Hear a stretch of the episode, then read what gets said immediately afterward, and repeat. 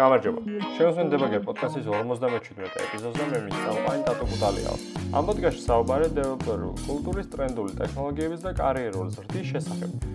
თორე შეფასება დატოვოთ იმ პლატფორმაზე, რომელზეც უსვენთ და ასევე დაემატოთ Facebook ჯგუფში.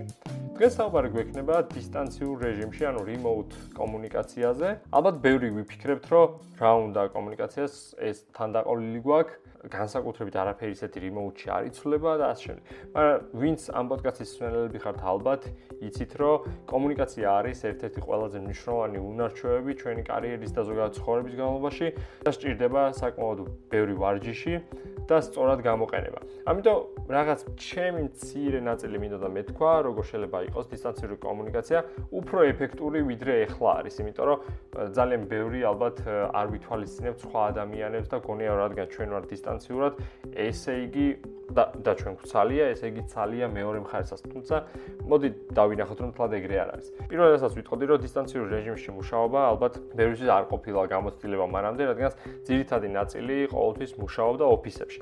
ოფისებში მუშაობა არაფერ არნაირად ცუდი არ არის, იგივე როგორც დისტანციურად მუშაობა, ყოველას არჩევანია ეს, როგორც ურჩევნია, ოფისში სხვა რაღაცეებიც ხდება, რაც დისტანციურად ვერ მოხდება უფრო მეტი სოციალიზაცია, უფრო საინტერესო ოფის გარეთა აქტივობები და ასე შემდეგ. თუმცა ამას არ ჩაურმავდები და მოდი ვისაუბროთ იმაზე, რომ კორონამ ალბათ ყველა გაათანაბრა და ყველას ასე ვთქვათ გააგებინა, გემო გააგებინა, როგორი შეიძლება იყოს დისტანციური მუშაობა, ცუდით და კარგი ხარეც, ხო?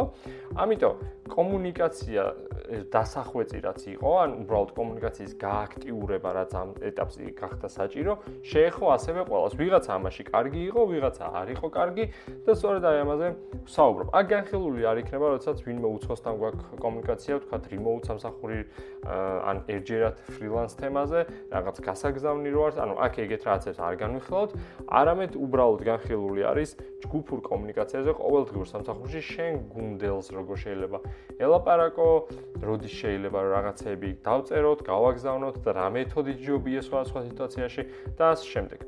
პირველი ალბათ ყველაზე მნიშვნელოვანი აღსანიშნავი არის, რომ პატივი უნდა ვცეთ სხვის დროს.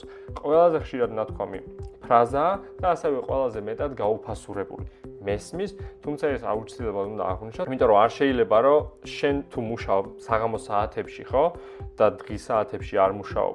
ეს არის შენი პირადი არჩევანი, მაგრამ ეს არ არის შენი გუნდელის არჩევანი და ამიტომ ხამის საათებში რომ შეაწუხო იმის გამო რომ შენ მანამდე არ მუშაობდი წინა საათებში, ცოტა არ იყოს და მოუხერხებელი არის ზოგადად გუნდური გარემოსთვის. ამიტომ ეცადე რომ პატივისცე სხვის დროს და როდესაც ის არის ხელმისაწვდომი მაგ შემთხვევაში დაეკონტაქტო თუ მაინც და მაინც რაღაცა სერვერები არ გეწვება და სასტრაფო ინფორმაცია არ გაქვს მისაწოდებელი. იმიტომ რომ როდესაც 1 საათობრივ სარტყელში არის გუნდის უმეტესობა, მაგ შემთხვევაში ყოველთვის ხდება მეტნაკლებად რაღაც მომენტში დასინქრონირება, ხო, ამ კომუნიკაციაზე. თუ შენ ხარ ის ერთი გამონაკლისი, რომელიც ვერ სინქრონდები დანარჩენ გუნდთან, მიუხედავად იმისა, რომ იმავე საათობრივ სარტყელში ხარ, ნიშნავს, რომ შენ თვითონ უნდა იყისრო შენ თავზე აი ეს დამატებითი ტვირთი, რომ ეცადო ისე დროს დაეკონტაქტო, როდესაც მას და სხვა გუნდელებს ცალიათ. ხოლო როდესაც თლიანად განსხვავებულ გეოლოკაციაზე არის გუნდები ან გუნდის წევრები დაყოფილი, მაგ შემთხვევაშიც კი ხდება რაღაცნაირად დაჯგუფება ამ ადამიანების, რომელიც მეტნაკლებად ახლოს არიან თქვა საათობრივ სარტყელში და ალბათ გუნდშიც მეტნაკლებად ერთად იქნებიან, იმიტომ რომ მათი სინქრონიზაცია მნიშვნელოვანია.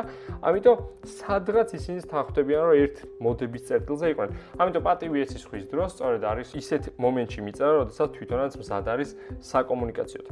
დღეს ალბათ თელი ჩვენი საუბარი რაც იქნება, იქნება აი ამას დაფუძნებული, როგორ უნდა ვცეთ ხვის დროს პატივი სხვადასხვა ფორმით.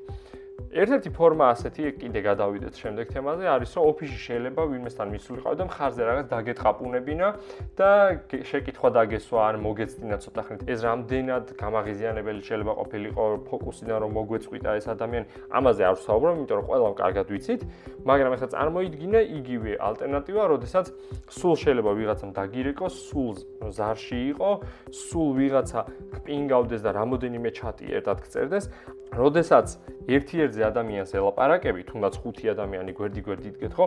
ხუთივე იმ ერთ ადამიანს არ ელაპარაკებით, არც ხუთივე ერთმანეთში არ საუბრობთ, ხო? მეტნაკლებად ეს არის სინქრონიზებული, ერთმანეთს ელოდებით ვინ მიწე, ვინ დაელაპარაკება და ასე შემდეგ. ხოლო როდესაც ეს არის მთლიანად ასინქრონული, ამ შემთხვევაში დისტანციურად ასინქრონული, ხო? მესენჯინგ აპლიკაციებში და ამ დროს ხუთი ადამიანი ერთად გწეს. შენთვის ძალიან ძიმეა და საკმაოდ დიდ კოგნიტურ ზეწოლას განიცდის შენი გონება, ძალიან ძვირი ფასის გადახდა გიწევს, რომ ხუთივე ადამიანთან ეს ჩატი დაასინქრონირო და ფოკუსში იყო მთლიანი ამ კონტექსტის განმავლობაში, ხო?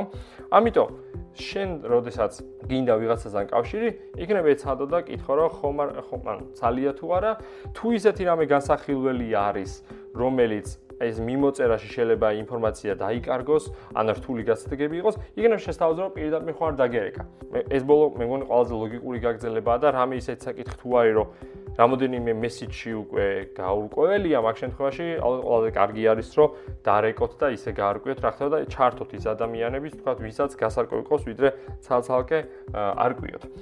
მოდი ისევ დაუბრუნდები მესიჯების თემას. ყველაზე ცუდი ალბათ chat აპლიკაციებს რაც აქვთ, არის რომ სულ გამყოფებენ მოლოდინის რეჟიმში. და წარმოიდგინე ხა ვიღაცა წერთ, დაიწყო წერა და ერთი მესიჯი გამოუშვა და ქვემოწერია ხა typing, რომ რაღაცას წერს და ელოდებით ავტომატურად ელოდებით რომ კიდე რაღაცა უნდა მოვიდეს და ამ დროს აგვიანებს დაახლოებით წამნახევარი ღიზიანდები, კიდე ელოდები კიდე და აი ეს ნელ-ნელა, ნელ-ნელა, ნელ-ნელა მუდმივად მოლოდინის რეჟიმში ხარ და თან ამ დროს შენი რესურსი, ასე ვთქვათ, ანუ კონცენტრაცია რა მომენტში შეგილია, ეგ ნაწილი ცვდება, რომ მუდმივად ლოდინი, ლოდინი, ლოდინი, ლოდინი, ლოდინი, ლოდინი, ლოდინი და აი ასეთ ზოგი სტრაფა მოვა ზოგი მესიჯი, ზოგი უფრო ნელა აი ამ ციკლში ხარ მთელი დღე გაჭედილი და ეხლა წარმოიდგინე მუშაობ და უცებ ამოხტა ნოტიფიკაცია წკაპ უნდა გახსნა დაიწყე პასუხს წკაპ კიდე ახალი მესიჯი მოვიდა წაშლი ამ ძველს დაიწყე ახალ წელს. საშინელება არის. ამიტომ ძალიან ხშირად ადამიანებს, მათ შორის მეც, არის რომ ძალიან ბევრ ჯგუფზე, პიროვნებებზე გაჩული გვაქვს ნოტიფიკაცია, რომ არ მივიღოთ მუდმივი, ასე ვთქვათ, შემაწუხებელი მესიჯები, უმეტეს Facebook, Facebook-ი და ასე ამ სოციალური მედიისგან და პლატფორმებისგან, სადაც მე პირადად ყველა ნოტიფიკაცია ჩახსნილი მაქვს, სანამ მე თვითონ არ შევამოწმებ Reddit-ი, Twitter-ი, ყველაფერზე.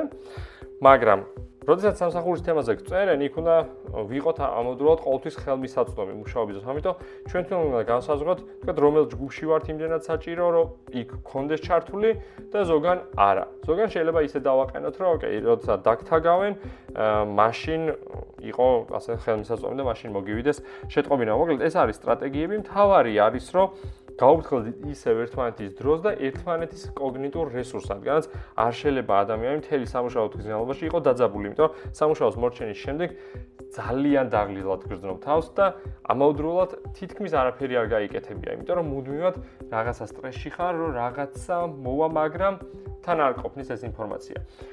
ამიტომ მოდი ამის ოდნა უკეთეს ალტერნატივაზე ვისაუბროთ, რომელსაც ქვია ელფოსტა.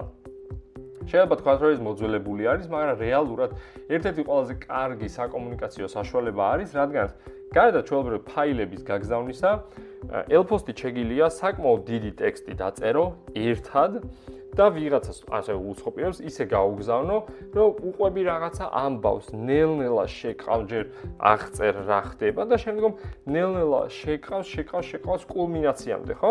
ერთ დიდ ტექსტად. და ვინც ამას გახსნის, შეუძლია რომ ზუსტად იგივე თანმიმდევრობით წაიკითხოს და ნელ-ნელა აღიქვას მთელი ეს სიმწვავე, ან პრობლემის სიმწვავე თუ პრობლემაა, თუ კარგი ამბავია, ესე იგი კარგ ამბავთანაც მივიდეს ნორმალურად. ამიტომ მე ამიტომ მე გირჩევდით, რომ ელფოსტის ერთ-ერთ როგორც საკომუნიკაციო საშუალებას ხელახლა გადახედოთ, ხო?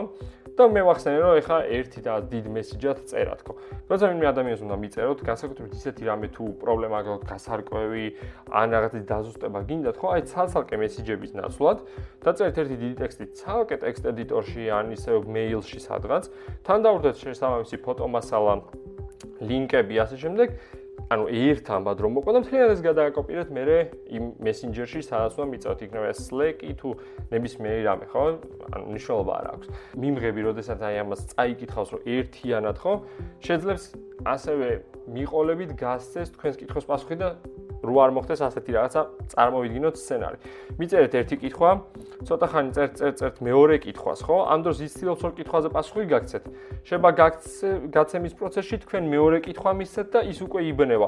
პირველზე გაგცეთ პასუხი თუ მეორეზე. აი ასე როდესაც წავა რაღაც კომუნიკაცია და კითხვები გაიყოფა რაღაც ასინქრონული გზით წავა, რომ პირველზე გასაცემი აქვს პასუხი, მეორეზე გასაცემი აქვს და რომელზე მოვა პასუხი პირველი არიცი. არა და შეიძლება მათ შორის რაღაც დამოკიდებულებაც იყოს. ძალიან ძიმე გასაგები არის და ფოკუსი დასაჭერი ზოგადად როგორც კითხვის გამგზავნისთვის, ასევე ვინც უნდა გასცეს იმისთვის.